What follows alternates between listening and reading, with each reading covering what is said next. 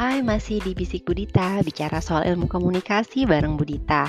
Sekarang saya mau membahas teori komunikasi organisasi yang berikutnya, yaitu Communicative Constitution of Organization atau uh, konstitusi komunikatif dalam organisasi. Nah, teori ini diprakarsai oleh Robert McVie dan dia tergolong teori interpretif dari tradisi socio-cultural. Oke, okay, uh, eh, jadi maksudnya apa sih communicative constitution? Oh, artinya eh, hal-hal uh, yang membuat sebuah organisasi itu berjalan semuanya berasal dari komunikasi. Komunikasilah yang membangun, komunikasilah yang membentuk sehingga sebuah organisasi itu bisa berjalan dan bisa berkembang ya dia bilang ya, makanya komunikasi merupakan essence of organization atau komunikasi merupakan inti inti sebuah organisasi. Jadi tanpa adanya komunikasi, tanpa adanya uh, sense making itu adalah perilaku komunikasi untuk mengurangi keambiguitas, keambiguan. Nah, itu nggak akan terjadi sebuah organisasi itu kalau tidak ada yang namanya komunikasi dan sense making. Hal yang penting dalam uh, communicative constitution of organization ini adalah namanya flow. Flows itu adalah alur. Kalau bahasa Indonesia itu adalah alur. Alur yang mm, menyebar apa menyebarkan pesan, alur alur komunikasi yang membawa satu pesan ke pesan lain hingga membentuk sebuah organisasi. Ada empat alur yang paling penting dalam communicative constitution of organization. Yang pertama membership negotiation atau joining and learning the ropes. Nah, ini adalah pertama kali nih ketika seseorang ketika seseorang uh, bergabung dalam sebuah organisasi, dia harus tahu dulu nih uh, siapa aja sih yang diatur bisa menjadi member dan siapa yang enggak. Jadi semua organisasi memiliki persyaratan siapa yang bisa menjadi anggota dan siapa yang enggak.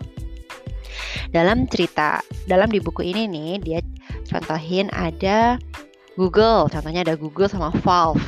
Valve ini adalah perusahaan video game. Kalau Google semua udah tahu ya, mesin pencari. Hmm, mereka sangat-sangat hati-hati dalam mencari uh, mencari pegawai baru.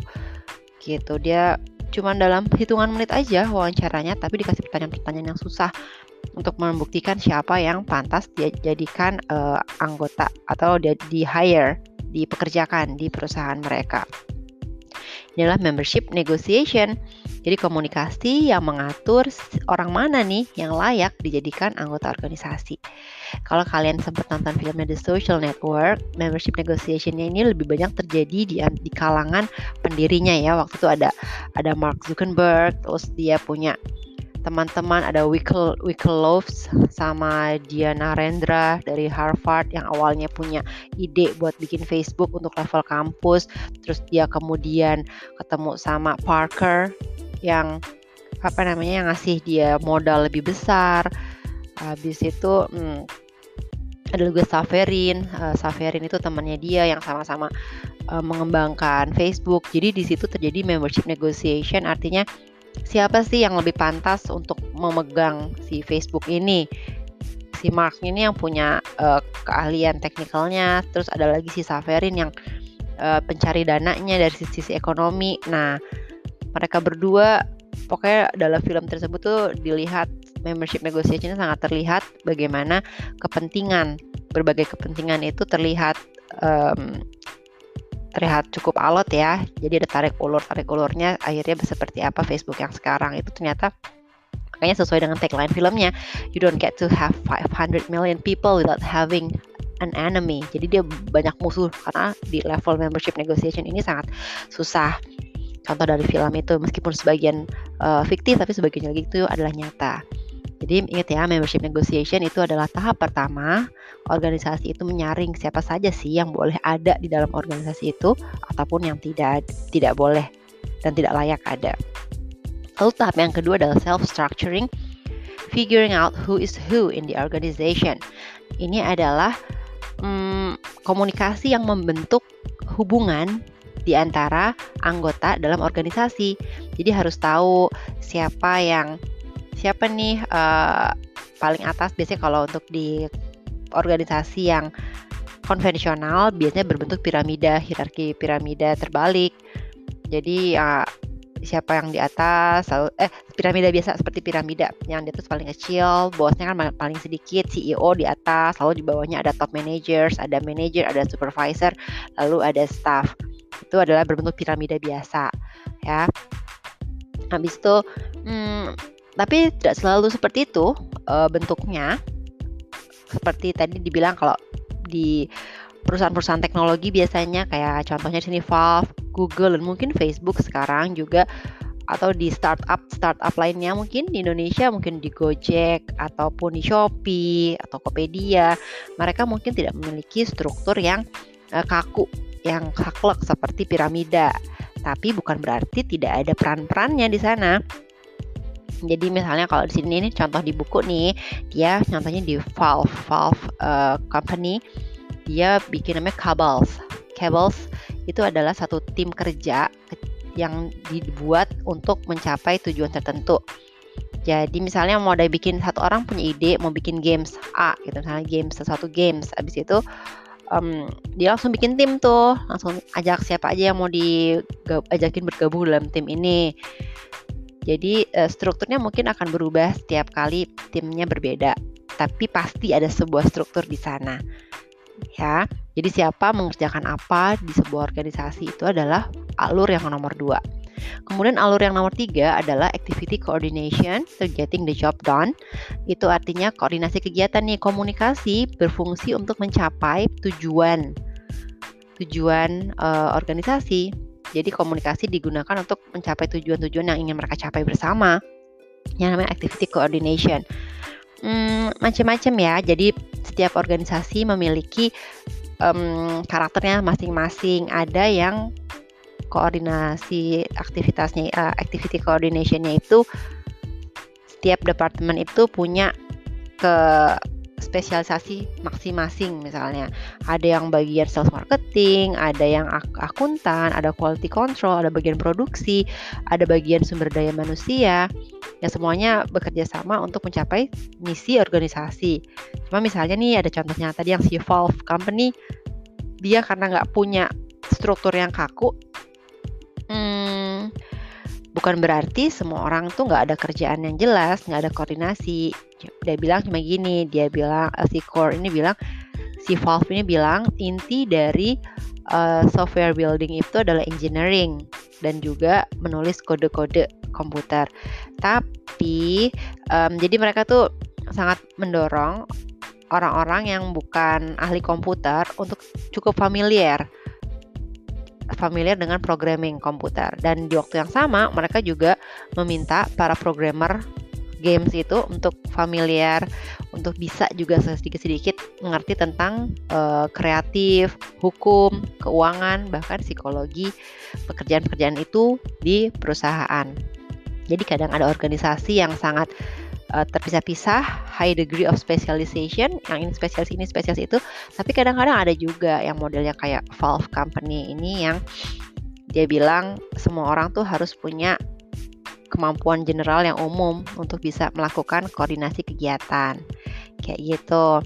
Macam-macam sih. Bisa juga um, dalam level di level-levelnya perusahaan organisasi yang lain. Contohnya misalnya tentang operator 911 terus firefighters atau apa pemadam kebakaran mereka tuh punya punya uh, koordinasi activity sendiri yang cuma mereka yang tahu Misalnya mereka punya lelucon, ada frequent flyers. Jadi ada yang cuma iseng nelpon pemadam kebakaran cuma pengen diperiksa doang, kesehatannya ada kayak gitu. Itu adalah tapi mereka sendiri adalah sebuah penelitiannya di Amerika untuk melihat bagaimana orang-orang yang pekerjaan-pekerjaan yang sangat beresiko ini mereka juga memiliki activity coordination yang terjalin di antara mereka supaya getting the job done. Lalu yang keempat, alur yang keempat adalah institutional positioning dealing with other people and organizations. Jadi peran komunikasi di sini menjembatani organisasi dan entitas eksternal di luar organisasi. Ya, macam-macam sih. Karena nggak mungkin sebuah organisasi itu bisa bertahan sendiri. Dia harus bekerja sama. Misalnya bekerja sama hmm, sama lembaga sosial, sama pemerintah, sama uh, publik, sama sponsor. Nah, jadi macam-macam ya. Semua organisasi, mungkin misal organisasi di kampus juga, di kampus juga sangat luas um, punya partner-partner di luar mereka. Ya, jadi kita harus selalu punya positioning supaya apa sih? Uh, supaya memudahkan hubungan dengan pihak eksternal. Oke, lalu ada prinsip-prinsip kerjanya si empat alur tersebut. Yang pertama, keempat alur tadi sangat penting untuk sebuah organisasi. Jadi tidak mungkin satu organisasi, satu alur aja yang bisa di yang unggul, yang lain dilupakan tidak mungkin. Yang kedua, alur yang berbeda terjadi di tempat yang berbeda. Jadi um, kadang-kadang ada ada yang lebih menekankan pada alur tertentu. Satu organisasi lebih mementingkan satu alur tertentu, tapi alur yang lain tidak terlalu gitu. Atau kadang-kadang kita nggak lihat alur yang terjadi sebagai publik karena kita nggak semuanya itu tampak di depan mata publik ya. Terus yang ketiga, hukum yang ketiga, pesan yang sama bisa hmm, pesan suatu pesan yang sama bisa menyampaikan beberapa alur yang berbeda.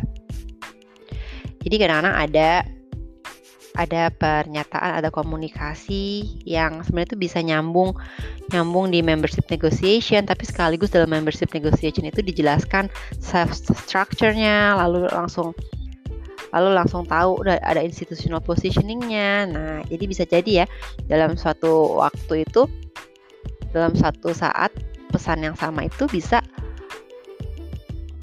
bisa masuk ke flows flows yang berbeda gitu bisa masuk ke beberapa flows yang berbeda lalu yang keempat alur yang berbeda ditujukan untuk audiens yang berbeda contohnya nih um, untuk yang self structuring itu biasanya tidak terlalu terlalu diperhatikan oleh orang-orang di luar organisasi. Tapi kalau yang namanya membership negotiation itu biasanya menargetkan calon pegawai baru atau mereka yang sudah mau keluar dari organisasi.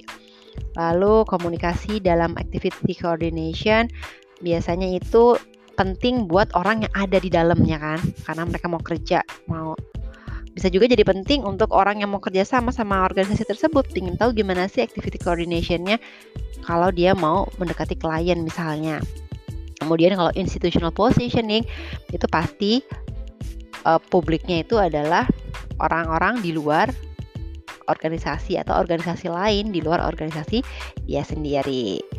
Oke, jadi empat alur itu tadi yang penting ada self-structuring, membership negotiation, activity coordination, dan institutional positioning adalah kunci dari communicative constitution of organization.